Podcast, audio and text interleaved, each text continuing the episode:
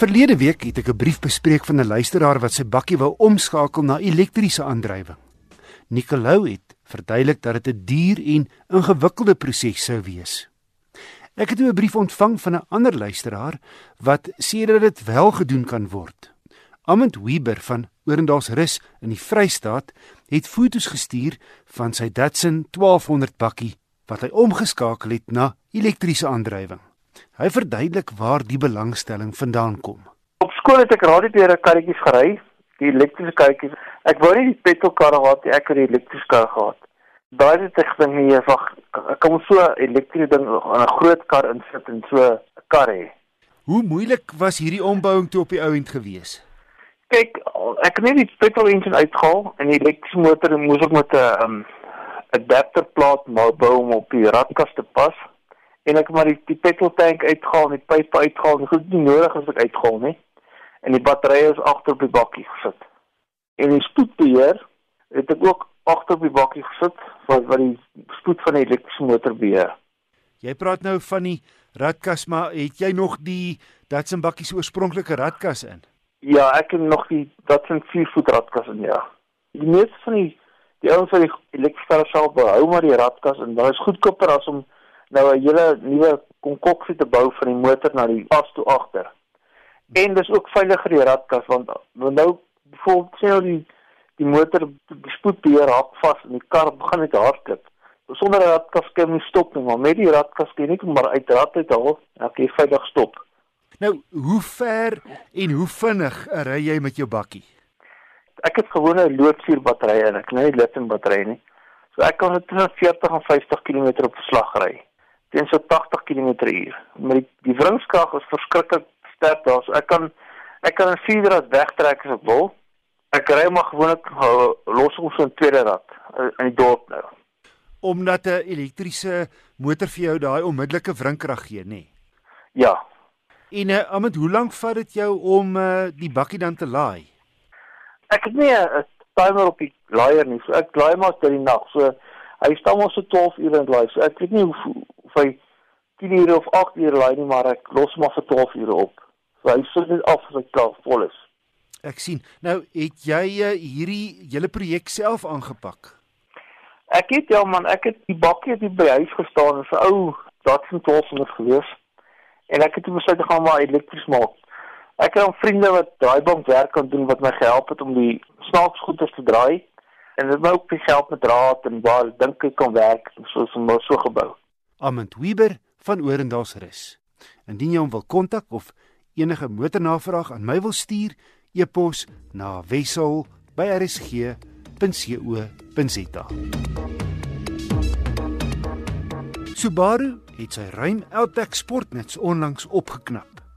Behalwe vir 'n paar kosmetiese veranderings buite, spog die Outback nou met Subaru se sogenaamde EyeSight veiligheidsstelsels wat kameras inspann, asook beter inligting en vermaak tegnologie op 'n sentrale skerm wat 'n spulknoppies en skakelaars vervang.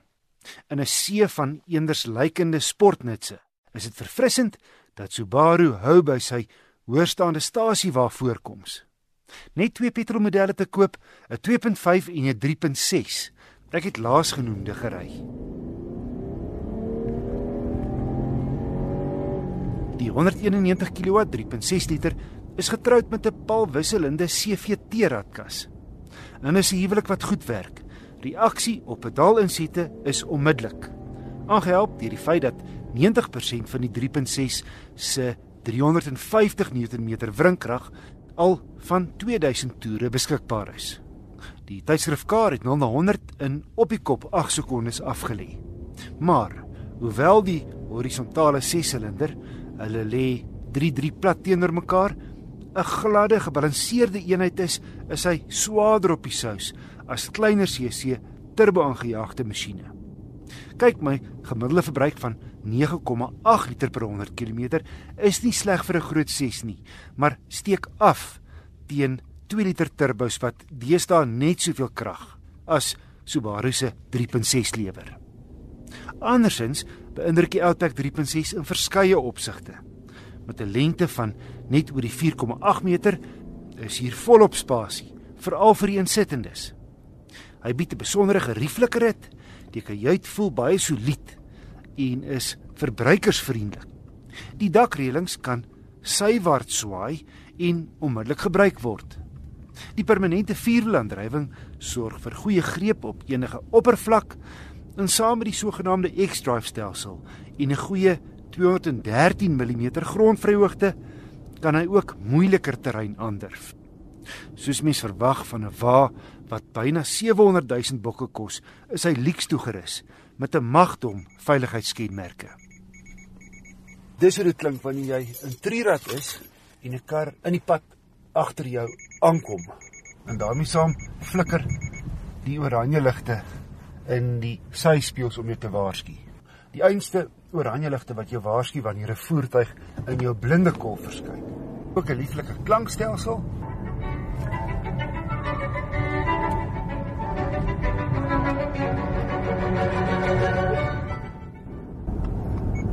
Dis die geluid wat hy maak as jy nie jou flikkerlig aan het nie en jy van uh, baan begin verwissel sodra jou wiele 'n sperstreep of 'n enkelstreep raak. Piep hy so. En die Sondag kom ook gratis. Om op te som, die Subaru Outback 3.6 kom baie naby aan 'n ideale gesinsvoertuig. Dis nou die wat 688 000 rand op 'n kar kan spandeer. Twee negatiewes egter.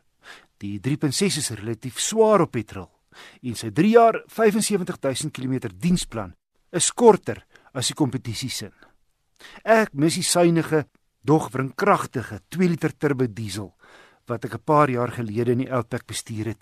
Hierdie oliebrander is ongelukkig nie meer op die mark nie. Die 2.5 petrol wie die beste waarde in die Outback reeks feitelik net so goed toegerus as die 3.6 maar 71400 rand goedkoper met 'n beter verbruik.